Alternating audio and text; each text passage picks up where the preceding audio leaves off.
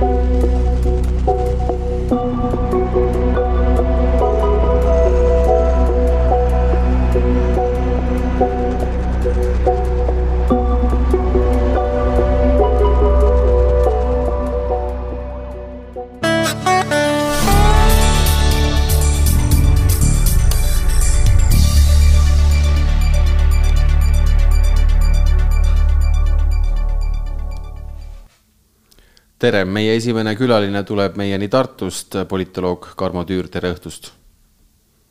tere õhtust. kas me teame, kus on Putin, kus on Prigožin mm.? ei tea, õige vastus ja, ja ega tegelikult Putini asukoha kohta pole kunagi meil päris kindlaid andmeid selles mõttes, et kui näidatakse isegi, et telepildis näidatakse, et ta näiteks oma kabinetis võtab parasjagu kedagi vastu, siis see võib olla kas varem valmis tehtud pilt või siis üldse hoopis teisiku poolt lavastatud pilt. Prigožini asukohast me teame veel vähem, selles mõttes, et hetkel ta on tõenäoliselt ähm, kuskil turvalises kohas, kus teda ei saadaks maha lüüa. kas see Putin, keda me nägime videopöördumises, kes lubas Prigožinile karme tagajärge, õigemini mitte temale otse, vaid riigireeturitele, oli tema õige Putin või vale Putin? Mm, mul on kahtlusi selle osas, et see õige oli. Putinil on üks väga hammune äh, kõrihaigus, mille tõttu ta tavaliselt iga teise-kolmanda lause ajal köhatab. see konkreetne kõne oli tehtud ilma ühegi köhatuseta ja natukese elavama miimikaga, kui tavaliselt Putinile kombeks on. see, et Prigožini elu võib olla ohus, sellele on viidanud ähm, kaudselt ka noh, näiteks ähm, luuretöötajad välismaal ähm, USA-s, öeldes, et Prigožin peaks hoiduma eemale kõrgetest hoonetest või vähemalt seal akende lähedal seismisest. vist on tõesti selle üle põhjust imestada, et ta ikka veel elus on? ega me ju ei tea, no oletame, et ta on elus, aga ma arvan, et ähm, ega teda praegu hetkel veel siiski ei kõrvaldata, ta on, äh, tal on täita oma instrumentaalne roll Venemaa välispoliitikas Eh, mitte nüüd enam niivõrd eh, Ukraina suunal, kuivõrd tal on ikkagi täita need ülesanded, mis on pooleli jäänud Aafrikas. ja ma arvan, see, et ta nüüd eh, vähemalt niimoodi formaalselt kupatati Valgevenesse, see on nii-öelda vahejaam selleks, nad on varemgi, Wagnerlased on läbi Valgevene suundunud oma missioonidele Aafrikasse ja Lähis-Itta. et ma arvan, et ta suunatigi sinna selleks, et ta sealtkaudu läheks mm, tegema oma tööd lõpuni ja, või vähemalt mingisuguse vahekokkuvõtteni ja, ja senikaua tal lastakse elus olla, kuni need ülesanded pole lahendatud. kas see tähendab seda, et ta lihtsalt äh, lähebki tagasi Aafrikasse või neid Aafrika vägesid juhtima ja, ja kõik, kõik nagu keritaksegi ajast tagasi, justkui poleks midagi juhtunud, et äh, on see loogiline? üldiselt ähm, Kremli, no ütleme niimoodi, kättemaksu muster on olnud nii, et ei vastata aktsiooniga kohe. lastakse mõni aeg mööda ja kättemaks saabub siis, kui vaat leitakse, et see aeg on õige. ja noh, tõenäoliselt, kuna ikkagi Jevgeni Prigožin tegi midagi sellist, mida ei ole noh, mitte keegi viimase sajakonna aasta jooksul teinud, ehk siis läinud lahingüksustega Moskva peale ja sellega on näidanud süsteemi nõrkust, siis kättemaks peab tulema, siin pole isegi küsimust. Nüüd on lihtsalt küsimus, et äh, kelle poolt, kelle kätega see lastakse toime äh, panna, sest et ega suur osa ka nendest meestest, kes siiamaani töötasid äh, Wagneri koosseisus, need just nimelt eriti vangid, on üsna, üsna verised oma endise ülemuse peale või praeguse ülemuse peale. nii et see võidakse ära teha ka nende samade kriminaalide lähikondsete kätega Te oletasite just ka, et Prigožin pigem suunatakse tagasi Aafrikasse samas äh, tulevad viimasel, ähm, nüüd siin viimase tunni jooksul tulnud ka uusi väiteid sotsiaalmeediasse, et ikkagi Valgevenes luuakse mingisuguseid baase Wagneri vägedele. kas need kaks asja välistavad teineteist, Aafrika ja Valgevene? ei, muidugi mõista nad ei välista, sest et lõppkokkuvõttes Prigožini lipu all on noh, väga niimoodi kirvega võttes, ega ma ju täpselt ei tea, aga no ütleme, öeldakse erinevaid arve, kümme kuni kakskümmend viis tuhat Eh, neid mehi ja, ja tõenäosus, et Valgevenes saab olema nende mingi vahejaam, noh, ei ole üldsegi mitte välistatud ja see ei ole ka üldse mitte halb variant Prigožinile selles mõttes, et ta saab vähemalt praegu Ukrainast tulema. see oli üks tema eesmärke ju, et saada Ukrainast tulema selleks, et säilitada oma võitlusvõimelisi üksusi kui ta saab nendega minema näiteks Valgevene baasidesse ja, või öö, suhteliselt siiski turvalisse Aafrikasse, siis on tema noh, kuidas öelda, tema jaoks, tema enda poolt püstitatud ülesanne lahendatud. olge hea, tehke korra põgus kokkuvõte, et mis asja Wagner seal Aafrikas ajab Venemaa heaks? no mitte ainult Aafrikas, Aafrikas ja Lähis-Idas on vist praegu kokku neljas riigis vähemalt. Mm, noh, ta osutab väga lihtsustatult osutab erinevaid eh, turvateenuseid. Mm, noh, sõna otseses mõttes alates sellest, et ta valvab seal mõningate valitsejate mm, paleesid ja siis ütleme kullakaevandusi ja siis teemadikaevandusi ja naftavälju ja nii edasi. nii et see on üks osa, on selline täiesti legitiimne turvateenus, mida ta osutab eh, no, nondele, just nimelt valitsustele, mitte Venemaale. ehk siis see on, see on see koht, kus ta teenib põhilise raha aga siis ta ka lahendab neid ülesandeid, mida on vaja Venemaa valitsusel teha ja kuhu siis Venemaa valitsus oma vägesid miskipärast ei taha saata, noh, ütleme seal Süürias või Liibüas. kus on otsesed äh, lahingtegevused, seal Wagner tegelikult ajab Vene asja, ainult et mitte Vene lipu all kas me viimase kahekümne nelja tunni jooksul oleme targemaks saanud, et mis äh, juhtus, mis puutub sellesse, mis kulmineerus laupäeva õhtul? Äh, ütleme niimoodi, et versioone on juurde tulnud jah ja, ja ütleme, teadmiste rohkus ei ole mitte alati mm, selles mõttes õnnistus, et, et, et neid palju versioone, mis käivad üksteisele vastu, see väga meenutab kõiki neid eriolukordi, mis Venemaa juures ja ümber toimuvad. alati paisatakse õhku terve müriaad erinevaid ähm, versioone, et siis äh, tekiks see nii-öelda kontrollitud kaose, antud hetkel infokaose olukord mille käigus on alati need kolmetähelised organisatsioonid, kes Venemaad valitsevad, eeldavad, et nad suudavad mängu paremini juhtida.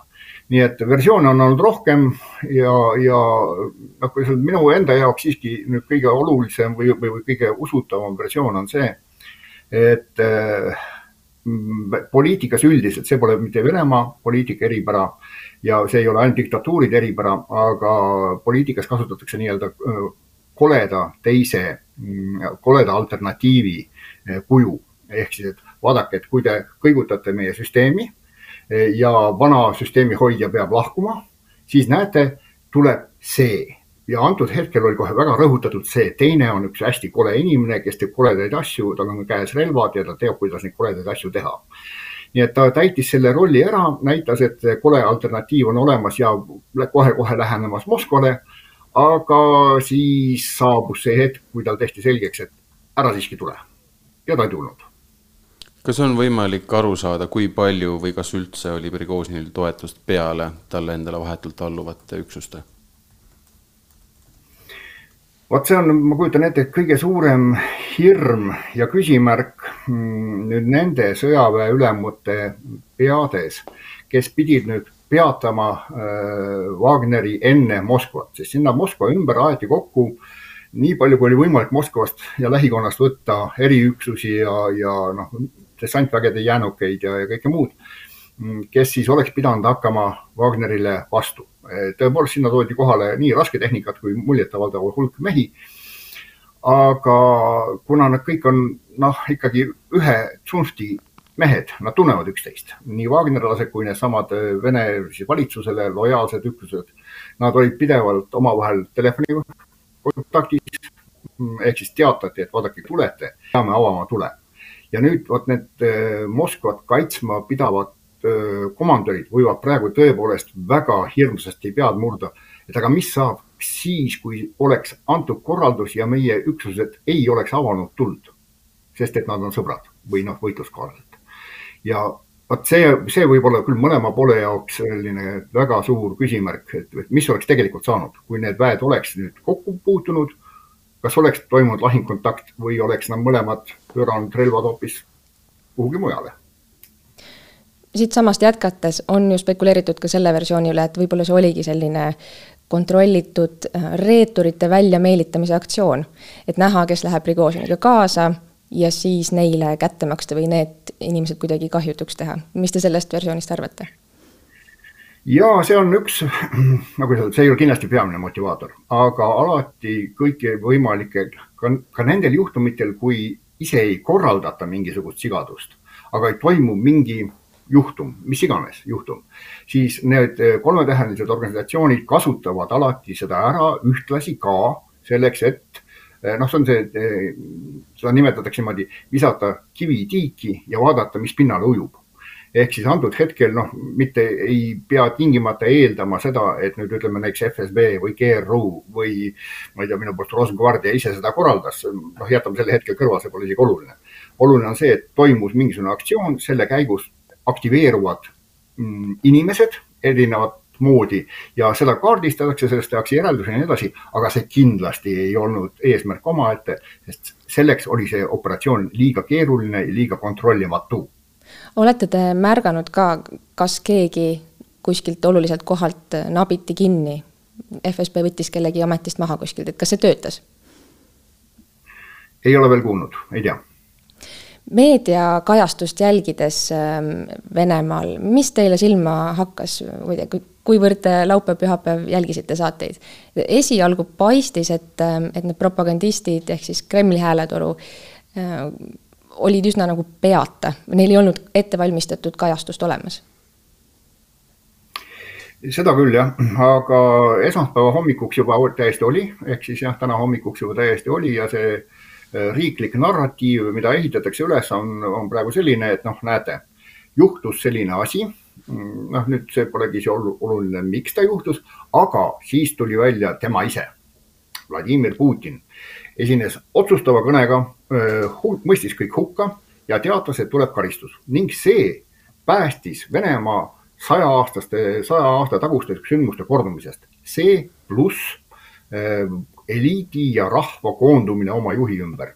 no see on praegune ametlik narratiiv, ehk siis oli hädaoht, hädaoht lähenes Moskvale, aga siis tuli ekraanile Vladimir Putin, kortsutas kulmu, ütles karmid sõnad ja olukord lahenes. kas vene rahvas seda päriselt usub, kas ta neelab seal alla, selles mõttes mõeldes Rostovile, siis ikkagi oli seal inimesi, kes kuidagi nagu nautisid seda show'd või isegi elasid kaasa Prigožinile ja viisid Wagneri sõdurit, sõduritele juua, süüa no mitte ainult juua-süüa, vaid seal ikkagi oli konkreetselt mehi, kes võtsid kätte Wagneri lipu ja, ja kes läksid toetust avaldama mitte ainult sõduritele, vaid siis ka Prigožinile endale. et õiget asja ajada, et vot need seal, noh, need igasugused kuskil seal Moskvas need noh, kaabakad, et neid tulebki karistada ja, ja nii et ei ole see rahvas ühtini Venemaa praeguse liidri ümber koondunud, kui seda tahetakse loomulikult mõista näidata, aga üldiselt vene rahvas on mm, võimutruum, sõltuvalt sellest, kes on parasjagu võim. ja võib täiesti mõista, sama Rostovis ja, ja muudes linnades, kuhu saabus siis nii-öelda uus šerif, relvad, relvad käes, et need mm, kohalikud elanikud olid kohe valmis toetama uut võimu igaks juhuks. no mine tea, järsku see uus võim jääbki püsima, siis on parem lojaalsust näidata kohe sellele Wagnerile antud hetkel.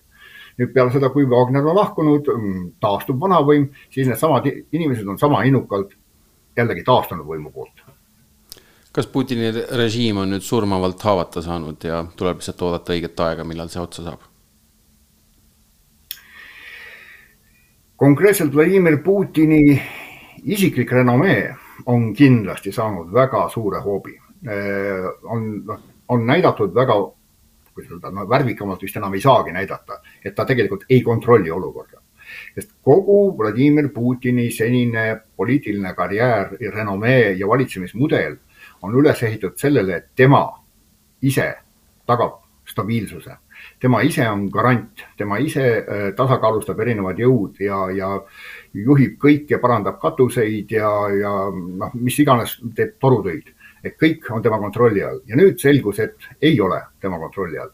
nii et konkreetselt ähm, Vladimir Putini persooni renomee sai pihta, aga selline jõulise tsentraliseeritud äh, juhtimise mudel ei ole põrmugi Venemaalt mitte kuhugi kadunud, nii et järgmiseks tuleb siis no kes iganes, Pupkin või, või, või Ivanov või Petrov, see mudel ei kao. Te mainisite just neid kolme nime, et kas, kas on ka konkreetselt äh, Kremlis kuidagi teada, arutatud, mõeldud, et kes siis võiks olla see järeltulija nüüd, kus Putin on sellises olukorras? no küllap, küllap, küllap arutatakse ja küllap kaalutakse, aga vot selle, sellise süsteemi eripära ongi, et äh, mitte ükski alternatiiv ei saa olla nähtav põhimõtteliselt ei saa olla nähtav, sest et siis oleks juba see praegune istuv president oleks noh, nii-öelda ameerikapäraselt öeldes lonkav part, et tema võim enam ei oleks absoluutne. see ongi, vaat mis on kõige olulisem vahe mm, demokraatlike ja, ja siis mittedemokraatlike süsteemide vahel. demokraatlikus süsteemis on kogu aeg näha alternatiivid toimub pidev debatt, mõnikord noh, ebameeldivas vormis, aga siiski toimub ja on näha, vaat kes need on need teised, need alternatiivid, kes saaksid üle võtta. sellises mittevabas ühiskonnas, autoritaarses või diktaatorlikus ühiskonnas need teised ei saa olla nähtaval. põhimõtteliselt ei saa, nad tuleb lihtsalt siis elimineerida. nii et jah, küllap neid nimesid kaalutakse, küllap on ka seal erinevad seltskonnad, kes kaaluvad seda või teist, aga ei, see, me ei saa põhimõtteliselt teada nii et Anton Vaino, kes väidetavasti osales ka siis läbirääkimistes Prigožiniga, tema sinna hulka, nende, nende kandidaatide hulka kuuluda ei või või, või mis rolli tema praegu mängib äh, Putini lähikonnas? Ehm, mul oleks väga keeruline ette kujutada Anton Vainot täitma vaat just nimelt seda diktaatori rolli, sest et praegune hetkel Venemaal valitsev mudel nõuab järgmist diktaatorit. no vähemalt autokraati aga Anton Vainol ei ole ei seda karismat, ei noh, ühesõnaga ei, ei, ei, Anton Vainol see kindlasti ei ole. no kes ütleme puhtalt kuvandi mõttes sinna sobiks kindlasti on Padrušev ja, ja, ja noh, see on ka üks selliseid kõige enim levinud variante, et, et tema nii renomee kui ka selline noh, ühesõnaga temas sobiks kõik. nüüd on küsimus, kas ta julgeb seda teha, kas ta julgeb seda tahta sest et kui ta, niipea kui ta avaldab seda soovi ise või näitab välja, et tema tahab seda teha, nii ta paneb ennast löögi alla. kui pöörata pilk nüüd Venemaalt välja, siis ähm, läänes vähemalt on selgitatud nii, et, et see jala väristamine ja, ja Ukrainale relva andmises nagu piduri peal hoidmine tuleb sellest, et kardetakse seda eskaleerida või kuidagi Putinit ärritada. et on see müüt, et kui sa ajad Putini nurka, siis ta ründab nii, et äh, maa on must ja, ja seda tuumasõda me keegi ei taha. kas see müüt on ka nüüd selle nädalavahetusega purunenud?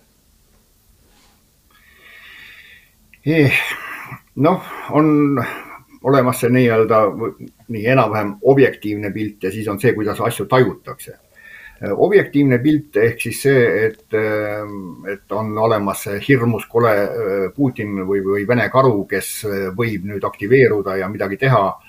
See objektiivne pilt nagu peaks olema nagu kergelt kuhtunud, aga see, kuidasmoodi tajutakse, on hoopis midagi muud, see ollakse harjunud kartma igaks juhuks. Ja see on täiesti arusaadav, sest et lääne ühiskonnad ei ole olnud väga ammu sõjas Nad ei ole harjunud ega ei tahagi ja see on täiesti mõistetav, ei taha kanda sõjakoormat. no kes tahaks, eks ole. nii et see jutt, et ei tasu Venemaad ärritada või provotseerida, see ei kao mitte kuhugi. aga ma olen seda aasta, nüüd vist aastakümneid korranud. Venemaa on ise provotseeruv. kui ta tahab, peab vajalikuks, ta provotseerub. kui ta ei taha ja ei pea vajalikuks, ta ei provotseeru.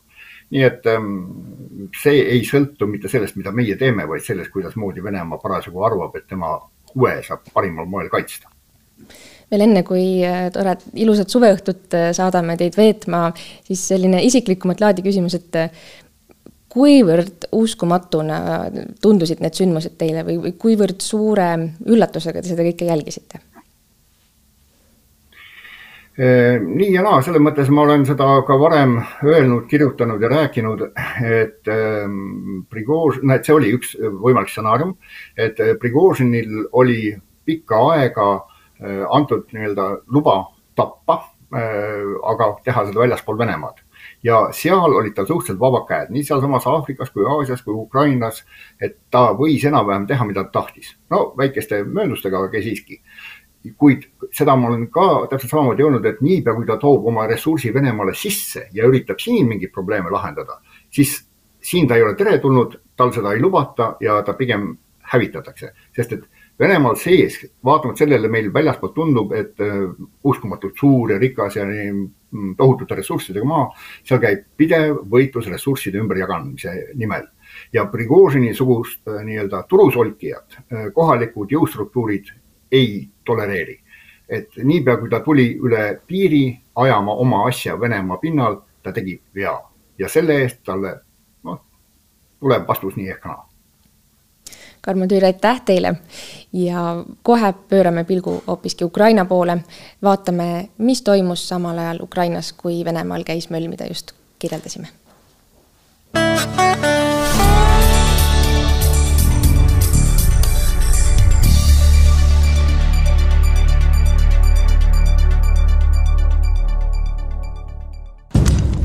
Граната! Прямо идем, прямо идем. О! А!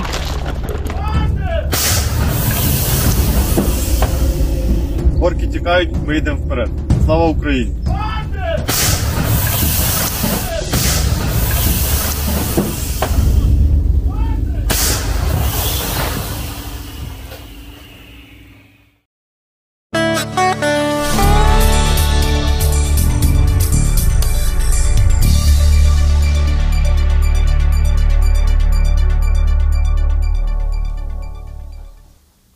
Saate teises pooles on meie külaliseks Peeter Tali, Riigikogu liige ja kolonel reservis, tere.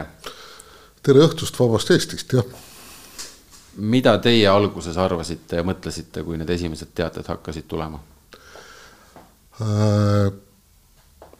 oli väga palju segadust ja mind hämmastas see, et äh, seda äh, Äh, Prigožini matka või Vabaduse marssi ei saadud äh, kiiresti seisma, mis näitas, et äh, Venemaal puudub sõjaline tugevusvaru. jah, seal on Dzeržinski nimeline diviis, mis kaitseb Moskvat, erinevad äh, õppeasutused ja erinevad eriüksused, aga ikkagi regulaarvägi suures osas on kõik seotud Äh, sõjaga Ukrainas ja Venemaa sees tugevusvaru puudub, et isegi raske hinnata, kui palju neid Wagnerlasi seal oli, mingi suurusjärk äh, noh, äh, viis tuhat pluss-miinus, kes seal liikusid, et nad muudkui liikusid ja ei saanud neil hoogu maha.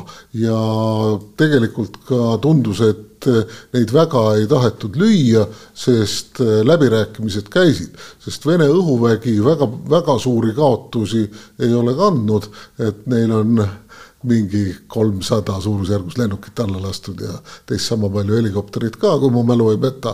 aga õhuväe võimekus on täiesti olemas, aga seal käisid eh, läbirääkimised siis Prigožiniga. Ja Prigožin tahtis muidugi rääkida läbi Putiniga, et midagi välja kaubelda, aga siis kogu see selline eh, Venemaa võimule eh, ladvik elab selliste kriminaalsete arusaamade või niisugune venekeelne termin on panjati järgi, et temaga rääkis läbi siis Aleksandr Lukašenko, kes siis on nagu niisuguses kriminaalses maailmas šestjorka ehk siis niisugune pisisuli, kes täidab räpaseid ülesandeid. kas see, et äh, neid reserve ei ole või et neid on nii vähe, tähendab seda, et kui nüüd keegi tahaks täna sedasama asja uuesti proovida, siis ta jooks sama kaugele või ka kaugemale? jaa, aga see on see küsimus, kes ja miks, et äh, Venemaa reklaamib ennast ju ja müüb nagu eriline asi nagu Deržava või tsivilisatsioon või ma ei tea, kolmas või neljas bütsants, et pigem ikkagi tasub Äh, Venemaa valitsejatel vaadata, et äh, kellega nad teed joovad ja mis tee sisse on pandud, äh, millised aluspüksid on jalga tõmmatud, see on siis viide Novitšokile ja Navalnõile, või siis mitte olla kõrghoonetes lahtise akna juures, et võib alla pudeneda. Ja no muidugi südame südamega võivad juhtuda õnnetused või võivad juhtuda ka noh, et inimene teeb enesetapu, laskes, lastes endale kaks või kolm kuuli pähe, et oleks asi kindel. niisugused asjad võivad küll juhtuda, aga ma ei näe mingit jõudu, kes kuidagi marsiks Moskva peale või läheks öö, kedagi kukutama. Ja nüüd see Rosgvardia ja igasugused öö, sisekaitseüksuslased ja Ahmatid või kadõrovlased, keda ka TikToki armeeks kutsutud ja kes ka seal eh, suudavad midagi hirmutada, nad suudavad ikka hirmutada tavalisi inimesi ilma sõjalise väljaõpet, selles mõttes kokku harjutatud üksustena ja, ja, ja see Roskvardia ja sisekaitseüksused, Tšerzinski nimeline diviis, et nad suudavad kõik meeleavaldused ikka toore jõuga laiali ajada ja miks peaks siis äh, mingid, ma ei tea, kosmosesõja üksused hakkama marssima Moskva peale, ei, ei ole tõenäoline mis te arvate, millise pilguga jälgis Ukraina kindralstaap äh, seda, kui, kui Prigožini väed üle piiri Venemaale sõitsid? ma arvan, neil oli tuju oli päris hea. üllatas see neid? olid nad selleks valmis? ma arvan, et nad teadsid, et midagi juhtub ja ega ei maksa ka ukrainlasi alahinnata, et see on selline varjuteater, et päris mitte nagu droonide mäng, aga mõjuta, mõjutatakse, pannakse üksteisele puid alla, valatakse õli, õlitulle ja, ja suur osa sellest sõjast käib siis kognitiivses või tunnetuslikus ruumis, et miski ei ole selline, nagu näib. ja tähtis on vastast eksitada, tema tahe murda ja kui seda ei õnnestu teha, siis tekitada segadus, et ta ei saa aru, mis toimub, et ei oleks olukorra teadlikkust kaoks ära või olukorra teadlikkus oleks siis äh, viletsam operatsioonide korraldamiseks. eks ukrainlased ütlesid, et me kasutame ära ja, ja eks nad äh, suurendasid ka survet äh, nendes piirkondades, kus nad siis survet avaldavad või peale tungivad, aga jällegi, et põhijõud ei ole ikkagi lahingusse läinud ja need on siis niisugused kujundavad operatsioonid, et, et pannakse surve peale, surve peab, eh, keeratakse kruvi, kruvi, kruvi, et kuskilt peavad need venelased järgi andma. ja eks nad natukene nagu on nüüd viimase ööpäeva jooksul andnud ka. veel korraks võtta pilk Moskva poole, et mind ise, iseenesest üllatas, et oletame, et ukrainlastel oli näiteks eelinfo ja väidetavasti ameeriklastel oli. Mm, võiks eeldada, et võib-olla nad ikkagi jagavad ka sellist laadi infot üksteisega ukrainlastel oleks olnud võimalus korraldada veel rohkem, ütleme, segaduskruvisid peale keerata, Belgorodis korraldada mingisuguseid ähm, sabotaaži asju, Moskvas äh, mingisugust kummalised droonid lendama panna. et tundub, et see tabas ikkagi üllatusena neid. Äh, ma ütlesin jah, et, et mingisugune eelinformatsioon ja aimdus oli, aga kuidas täpselt, kui ja mis, et et ega nad ju ka täpselt ei teadnud ja nad ei teadnud, kuidas, kuidas see asi hakkab arenema. ja, ja mis nüüd juhtus, et äh, kindralstaap, siis Venemaa kindralstaap vedas kokku õhudessantüksuseid nii palju, kui neil oli võtta, näiteks isegi Pihkva õhuründediviisist kaks lennukitäit ehk siis kaks roodu või siis Eesti mõistes kompaniid dessantväelasi viidi Moskvasse ju, ju siis rohkem polnud midagi võtta. ja, ja noh, sealsamas Moskvast mitte kaugel on ka Rjazani ja Tuula üksused, aga need on muidugi sõdivad ja jälle verest tühjaks jooksnud, aga, aga midagi on ikkagi võtta. et, et mis see õppetund nüüd on, et, et Venemaa õpib äh, või siis Putini režiim õpib äh, igast äh, igast operatsioonist või igast äh, läbikukkumisest ja võidust ja eks nad nüüd mingisugused väed toovad Moskva kaitsele, sest ilm, ilmselgelt ainult äh, sisekaitseüksustest ja, ja siis õhukaitseüksustest ei piisa, et nad ilmselt toovad sinna ka mingid spetsnaazi ja õhudessant äh, üksused, aga, aga miks selline peataolek oli või midagi ei juhtunud, et ühest küljest käisid läbirääkimised ja teisipidi, et see otsustajate ring Kremlis on hästi väike, et see on selline eh, Vene preisi juhtimine, komandöri või ülema või kõrgema ülemjuhataja kesk, keskne juhtimine, et kui tema midagi ei otsusta, siis ei juhtugi midagi. et siis asjad lihtsalt kulgevad nii kaua, kui tuleb käsk, et kas siis hakata laskma või mitte hakata laskma. kas Wagnerlaste paiknemine Valgevenesse, oletame, et see juhtub nii, kas omab mingisugust mõju ka sõjale Ukrainas, kas see võib tähendada põhjarindel mingisugust suuremat aktiivsust Vene poolelt? see tähendab seda, et ukrainlased peavad veel tähelepanelikumalt jälgima, mida Valgevene teeb ja mida teevad Wagnerlased ja siis nad peavad ka äh, tõenäoliselt äh, mingid väed jätma äh, Kiievi kaitseks, kuigi see piir on sealt korralikult mineeritud, kindlustatud positsioonid on sisse kaevatud äh, või rajatud, äh, territoriaalarmee on valmis, aga ikkagi seal eeldatakse, et jah, see välilaager võib olla kuni kaheksasaja, parandan, kaheksa, kaheksa tuhandele Wagnerlasele, mis on siis noh, ütleme kaks brigaadi ekvivalenti, umbes brigaadi suuruse üksuse ja see on juba jõud, millega võib rünnata küll, et ukrainlased kindlasti peavad arvestama. ja eks nad on ju ka Valgevene sõjaväelasi mõjutanud ja, ja kujundanud, et valgevenelased ei tuleks sõdima aga noh, jällegi valgevenelaste hulgast võidakse värvata ju sõdureid küll, et ega see ei ole ju ka suur saladus, et päris palju valgevenelasi, ukrainlasi ja venelasi teenib ka Prantsuse võõrleegionis näiteks. ja samas ei maksa alahinnata ka seda, mida Wagner Grupp teeb Lähis-Idas ja Aafrikas et see on ikkagi otsapidi äri ja selles mõttes on see ikkagi ikkagi väga edukas äri, et aafriklaste rahaga pannakse seal toime kuritegusid ja sisuliselt eh, Kesk-Aafrika Vabariigist ja Malist on prantslased välja läinud, Eesti sõdurid on ka seal olnud, eestlased tulid varem ära ja see, mis Sudaanis juhtub, on ikkagi päris kole, et pannakse toime kuritegusid ja kaevandatakse või ei kaevandata, aga võetakse sealt kulda ja müüakse seda, see on äri. aga just Ukrainas toimub, et mida võib praegult mõelda siis kaevikus istuv Vene sõdur ja kuidas Vene väed vastu on pidanud nende päevade jooksul, nii palju kui on võimalik seda öelda? nii, ja Vene väed on äh, vastu pidanud ja eks nad sõdivad ikkagi selle eest, et ise ellu jääda.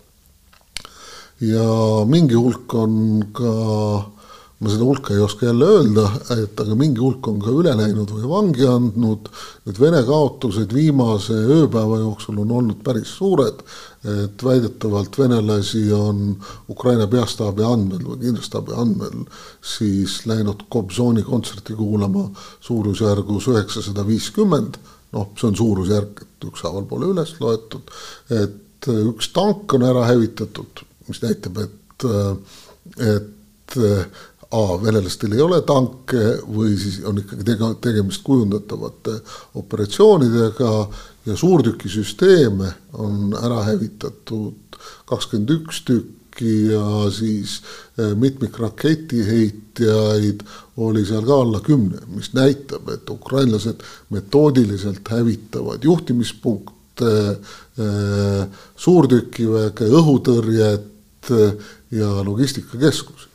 Ja nüüd, kui territooriumist rääkida, siis äh, tähtis on linn, linnake Rivnopil, et tõenäoliselt me väga palju sellest enam ei kuule, aga ukrainlased on edenenud ja sealt on umbes linnulennult Mariupolini seitsekümmend kilomeetrit, mis tähendab, et, et nad suruvad ikka Aasovi mere poole ja seitsekümmend kilomeetrit, et põhimõtteliselt on Mariupol ja mereäärne raudtee Haimarsi äh, tuleulatuses.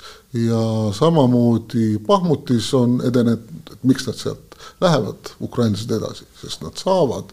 Ja siis Aleks, Alek-, Antonovski, parandan, Antonovski silla juures on platsdarmi ka laiendatud, tähendab, et venelased peavad sinna ka mingisuguseid reserve tooma, kui nad ei taha, et see platsdarm laiendub, nii et mitu suunda on ukrainlastel töös, et kus nad aeglaselt ikkagi sellest ešeloneeritud kaitsest närivad läbi. kas see teade ukrainlaste poolt, et nüüd tõesti alustasime me vastu pealetungi suurema hooga, mis tuli laupäeva õhtupoolikul. Kas need, kõik need sündmused, mis te just kirjeldasite, kinnitavad seda või oli see pigem ikkagi selline infooperatsiooni laadne toode, see teade? ikka ikka vastase psüühika lõhkumine ja hõõrumine, et need peajõud ei ole veel lahingusse astunud, kuna, kuna seda lahinguvälja äh, ikkagi kujundatakse ja otsitakse seda kohta, et kus saaks lüüa hooga läbi. ja noh, kui hooga läbi lüüa ei õnnestu, siis vaikselt ikkagi suruvad paar kilomeetrit äh, päevas ja ja, ja nii see rinne sinna Aasovi mere juurde poole, poole liigub vaikselt, aga no ei tea, tuleb minna vaadata Ukrainas, et äh, mis plaanid on ja mis seal täpselt toimub. Wagneri juurde korra tagasi tulles, et kui iseseisvad nad on sõjaliselt, selles mõttes, et kui sõltumatud nad on Vene relvajõudude toest logistiliselt ja muus mõttes? Nad ei ole sõltumatud, et nad peavad saama laskemoona Eh, nad peavad saama kütust, nad peavad saama äh, siis remontida oma tehnikat, see mingisugune võimekus on olemas, siis nad peavad saama kuskile ka oma haavatud panna, surnutest paistab, neil on suht nagu ükskõik, et, et nagu palgasõduritel ikka, et tegemist on ikkagi palgasõduritega. jah, nad on äh, on sõltuvad, samas tuleb arvestada seda, et see Wagner Grupp on nagu läbikasvanud liha, et seal on väga palju äh, endisi Vene sõjaväelasi, ka neid, kes on siis spetsnaz või eriväelased äh, ja teeninud merejalaväes ja teeninud äh, õhuründevägedes või õhude, õhudessandis, et neil on väga head väikeste üksuste ja üksiksõdurite oskused. kas Lukašenkat oli sellesse kõike ka päriselt vaja, see, et Wagner on nüüd Valgevenes, et Prigožin on võib-olla nüüd Valgevenes?